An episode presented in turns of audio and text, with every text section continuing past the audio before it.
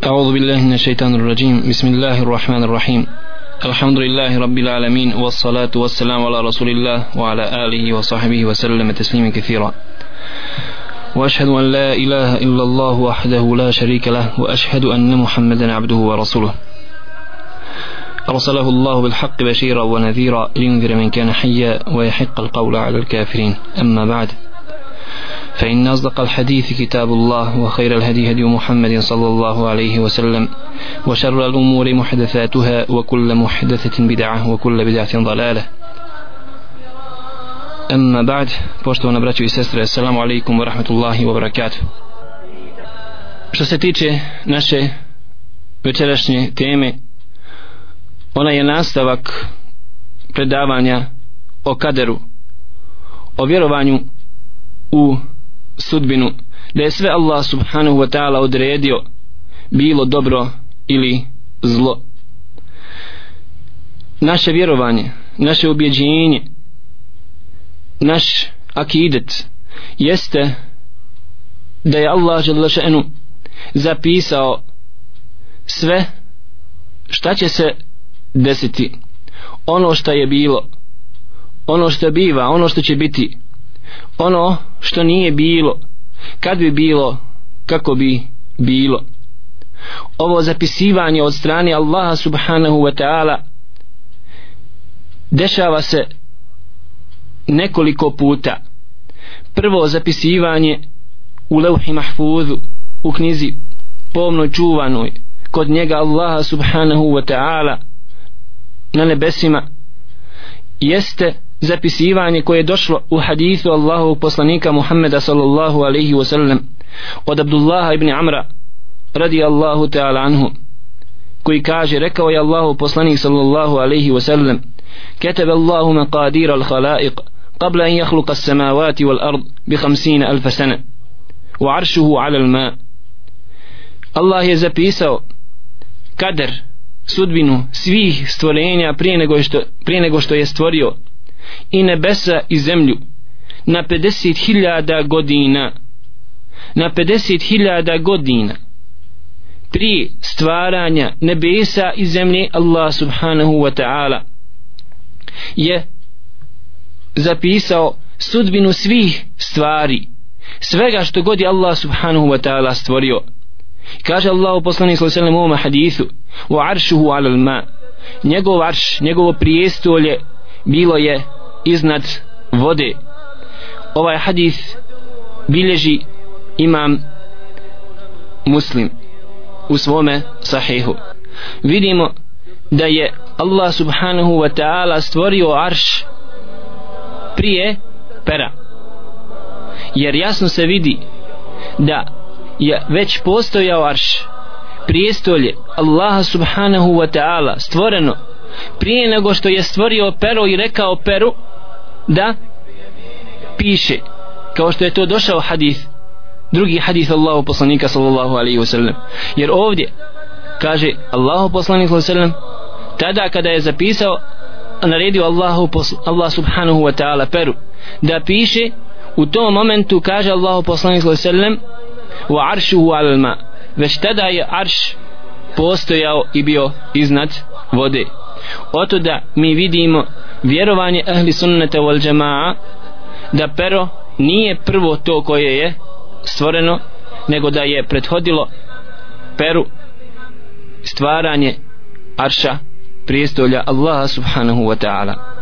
Trebamo draga braćo i sestre imati na umu kad govorimo o ovim gajb stvarima poput arša, poput pisanja pera i sličnih stvari koje su u gajbu u nevidljivom svijetu a o kojima nas je obavijestio Allah poslanik sallallahu alaihi wa sallam trebamo imati na umu da zakoni zakonitosti koje uzvišen Allah subhanahu wa ta'ala postavio za nevidljivi svijet su posebne i ne može čovjek ni u kom slučaju te stvari poistovjećivati sa ovim dunjalučkim stvarima koje on vidi oko sebe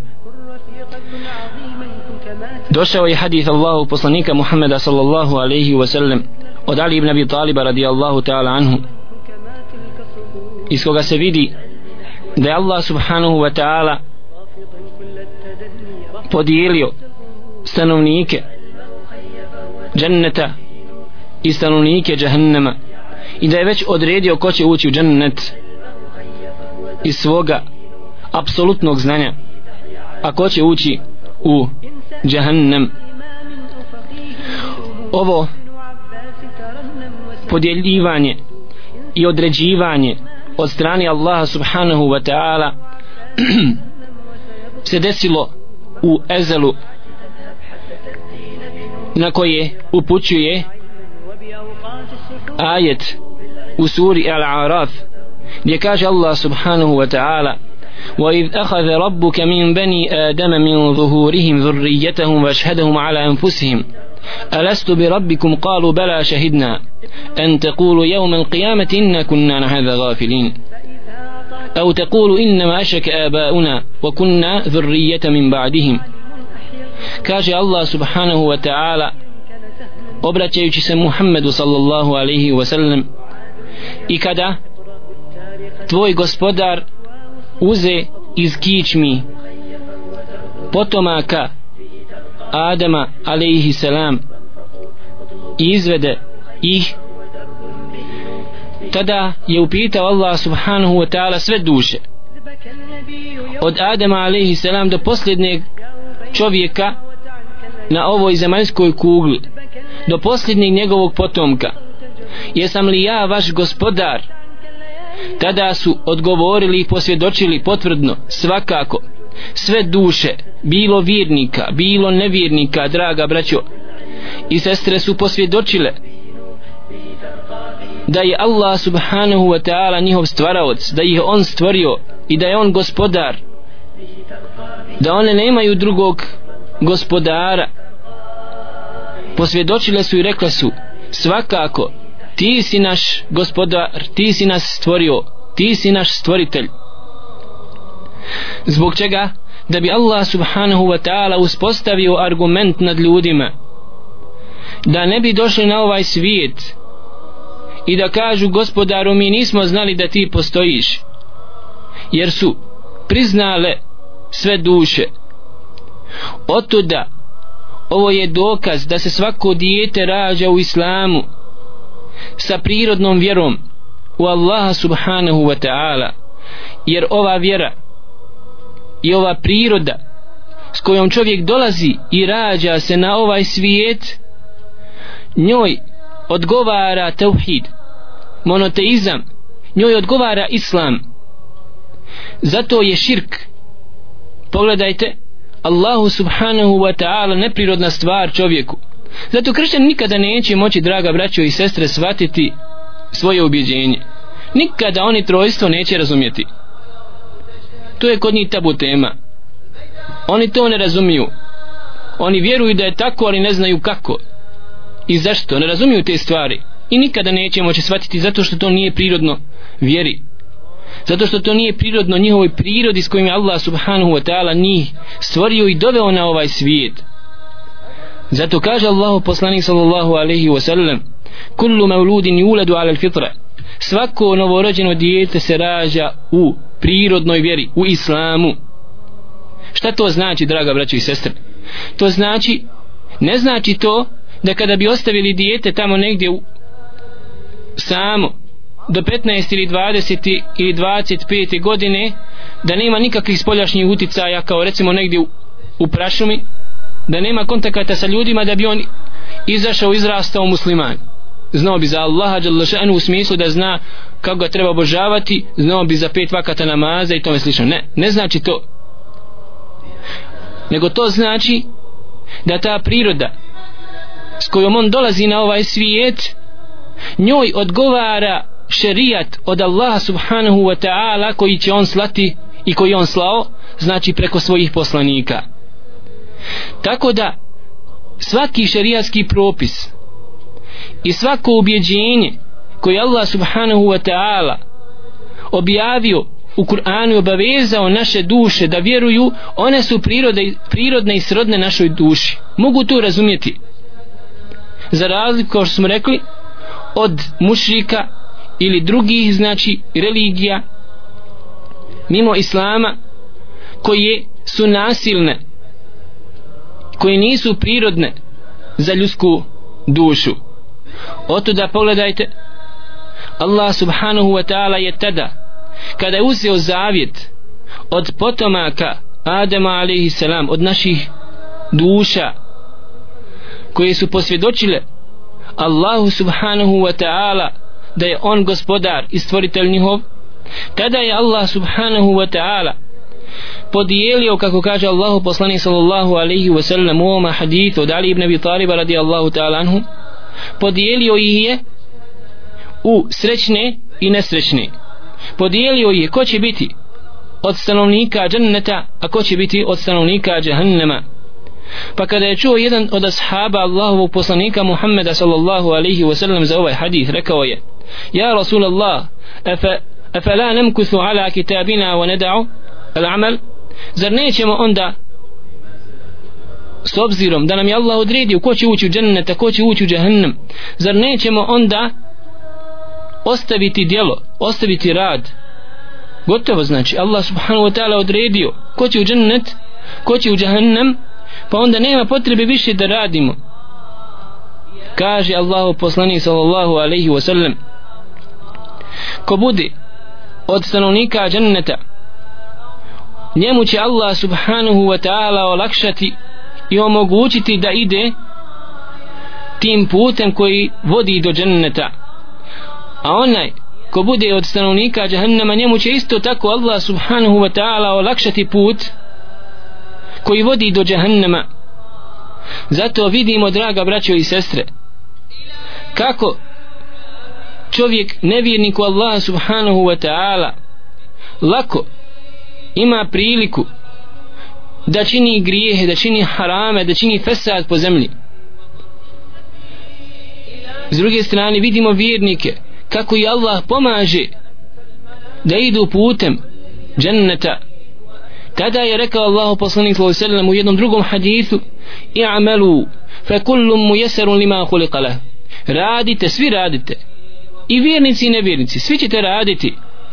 Ali je svakom Allah olakšao. Svakom je olakšano svakom je olakšan onaj put koji mu je određen.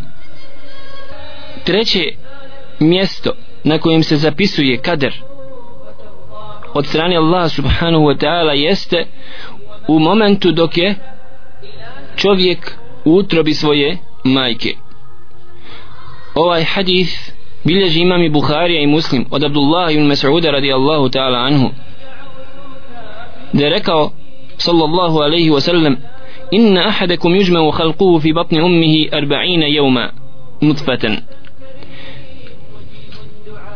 Vi vaše stvaranje biva utrobama vaših majki na taj način što 40 dana budete kao ugrušak koji još nije pričvršćen u u matericama vaših majki. Tako kaže Allah poslanik sallallahu alaihi wa sallam. Jer nutfe znači ugrušak ali koji ide i desno i lijevo još nije pričvršćen još nije zakvačen još nije ustabiljen. Zatim kaže Allah poslanik sallallahu alaihi wa sallam thumma yakunu alaqatan mithla zalik zatim toliko isto vremena znači još 40 dana druga etapa, druga faza bivate zakvačak ali zakvačak koji tada postaje komad od krvi. Jer alaka kako kažu komentatori ovog haditha podrazumijeva plod koji ima već u sebi znači određene kapilare i u kojem već se nalazi krv. Thumma yakunu mudghatan mithla zalik. Zatim još toliko znači 40 dana treća faza treća etapa vašeg razvoja stvaranja jeste da budete komad mesa. Thumma yursilu Allahu ilayhi al-malak. Zatim kaže Allah poslanik sallallahu alaihi wa sallam nakon ove tri faze koje traju stotinu i dvadeset dana Allah subhanahu wa ta'ala pošalje meleka fajanfuhu fihi ruh. Nakon stotinu dvadeset dana Allah subhanahu wa ta'ala pošalje meleka koji udahne dušu u plod. Wa yu'maru bi arba'i kalimatin. I onda ovom meleku bude naređeno da zapiše četiri stvari. Kader. Određivanje sudbine draga braćo i sestre nakon 120 dana kako se može vidjeti iz ovog hadisa zapišu mu se četiri stvari. Bi ketbi rizqihi wa ajalihi wa amalihi wa šaqijun am sa'id bude zapisano kakva će mu biti nafaka koliko će vremena živjeti šta će raditi i četvrta stvar da li će biti srećan ili nesrećan. Da li će biti od stanovnika dženneta ili će biti od stanovnika džahannama jeste draga braćo i sestre oto da su prijašnje generacije prvi generacije muslimana kada bi ih žena njihova obavijestila da je trudna provodili u ovom prvom vremenskom periodu trudnoći pogledajte u velikim dovama Allahu subhanahu wa ta'ala. Majka bi tada više molila Allaha žele šanu i očevi također koji su očekivali svoje dijete da nastoji na taj način uputiti Allahu subhanahu wa ta'ala dovu i umilostivit ga da im podari hajirli i čestit plod. Zaista draga braćo i sestre ovako su prve generacije razumijevale hadisa Allahovog poslanika Muhammeda sallallahu alaihi wa sallam.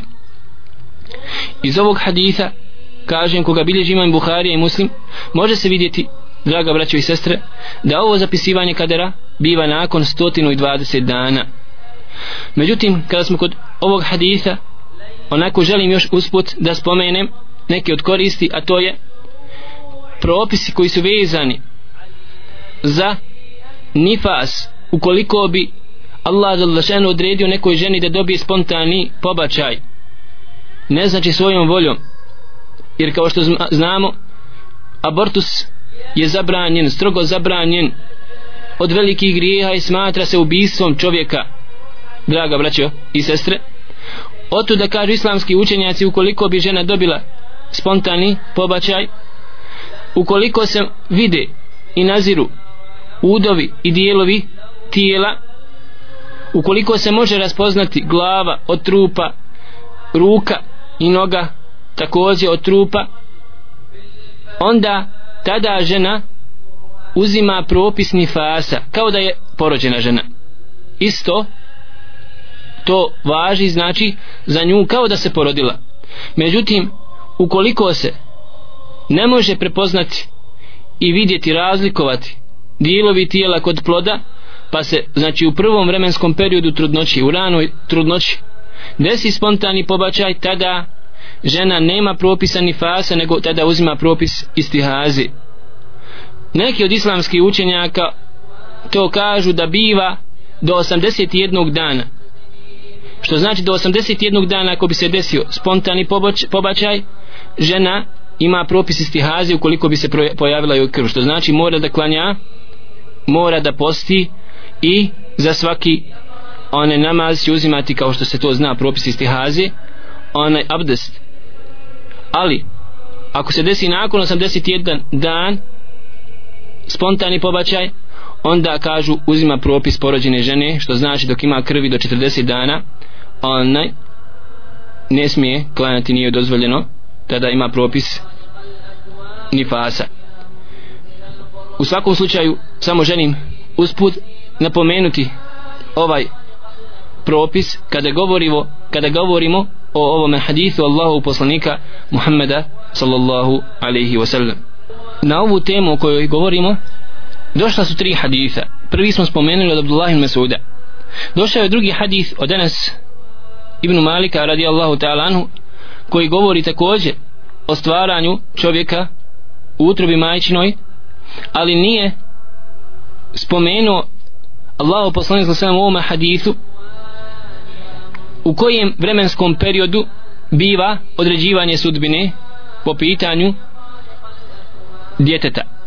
I došao je treći hadith od Hudhaife ibn Usaida radijallahu ta'ala anhu koga inače bilježi muslim u svome sahihu koji je također vjerodostojan gdje jedna predaja govori da zapisivanje pazite biva nakon 40 dana. A u drugoj predaji da biva nakon 42 noći a u trećoj predaji nakon 43 noći. Oto da kažu neki islamski učenjaci da kod neke djece biva nakon 40 ili 42 ili 43 noći ili dana a kod neke djece nakon 120 dana i kažu da je to smisao da tada čovjek što više moli Allaha subhanahu wa ta'ala zato što tačno ne zna da li nakon 40. dana se zapisuje sudbina ili nakon 120 dana kad čovjek onda ne zna tačno onda će nastojati da usvati ta prva četiri mjeseca moli što više Allaha subhanahu wa ta'ala i da bude vezan za njega jer zna da se tada određuju velike stvari po pitanju njegovog čeljadeta po pitanju njegovog djeteta koji je plod njegovog srca.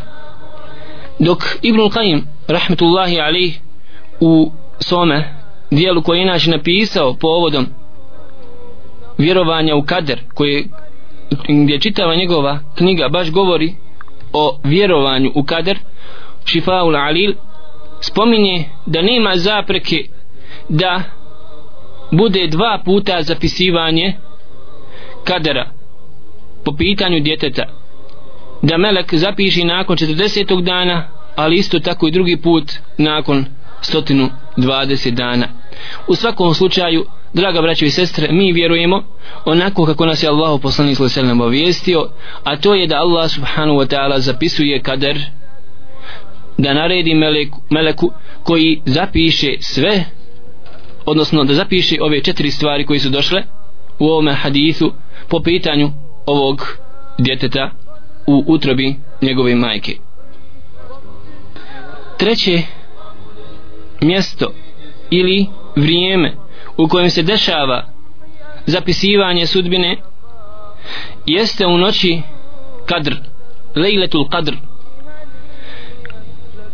jedno od mišljenja islamskih učenjaka da je nazvana noć lejletul Qadr baš zbog toga što Qadr znači sudbina. Jer Allah subhanahu wa ta'ala u toj noći određuje šta će se desiti za narednu godinu dana. Da tada Allah subhanahu wa ta'ala zapisuje i objelodanjuje melekima šta će se desiti u narednoj godini i dana ko će živjeti, ko će umrijeti? Ko će se roditi, kome će se šta desiti? Bilo dobro, bilo zlo. Zato Allah subhanahu wa ta'ala kaže inna anzalnahu fi lejleti mubarake inna kunna munzirin. Fiha yufraku kullu amrin hakim. Di kaže Allah subhanahu wa ta'ala mi smo ga objavili mi smo Kur'an objavili u noći koja je blagoslovljena u toj noći se razlučuje svaka stvar.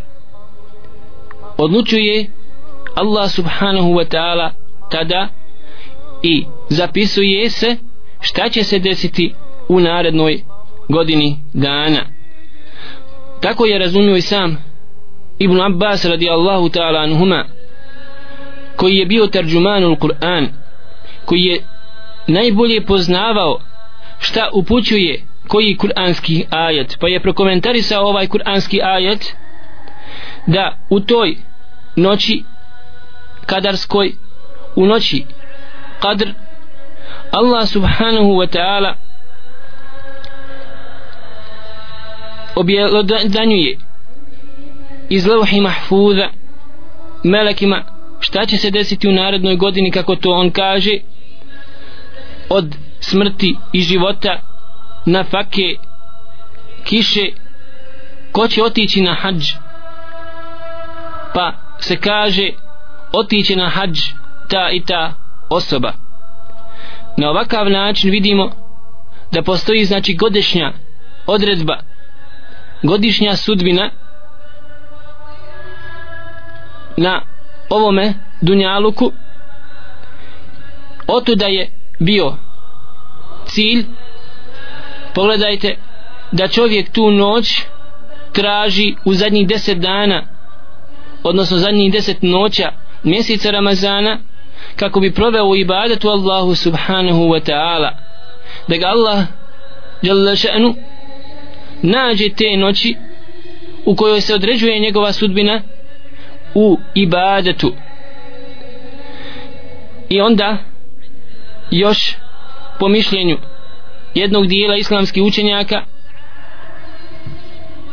Dešava se zapisivanje svakoga dana šta će se desiti od strani Allaha subhanahu wa ta'ala. Kažem kod jednog dijela učenjaka ahli sunnata wal jama'a poput muđahida poput el kulejbija i još mnogih jednog dijela mufessira poput mukatila, mukatila poput ata rahmetullahi alaihim koji su prokomentarisali kuranski ajet kullu yawmin huwa fi sha'n da je Allah subhanahu wa ta'ala da Allah subhanahu wa ta'ala svakoga dana nešto radi u tom smislu da kako su oni prokomentarisali da ovo znači ovaj kuranski ajet da svakoga dana Allah subhanahu wa ta'ala određuje šta će se desiti u tome danu. A Allah subhanahu wa ta'ala najbolje zna. Molim uzvišnog Allah subhanahu wa ta'ala da budemo od onih koji će čvrsto vjerovati u sudbinu u odredbu Allaha i koji će biti zadovoljni sa svim onim što im Allah jalla šanu odredi أقول قولي هذا وأستغفر الله لي ولكم ولسائر المؤمنين فاستغفروه إنه هو الغفور الرحيم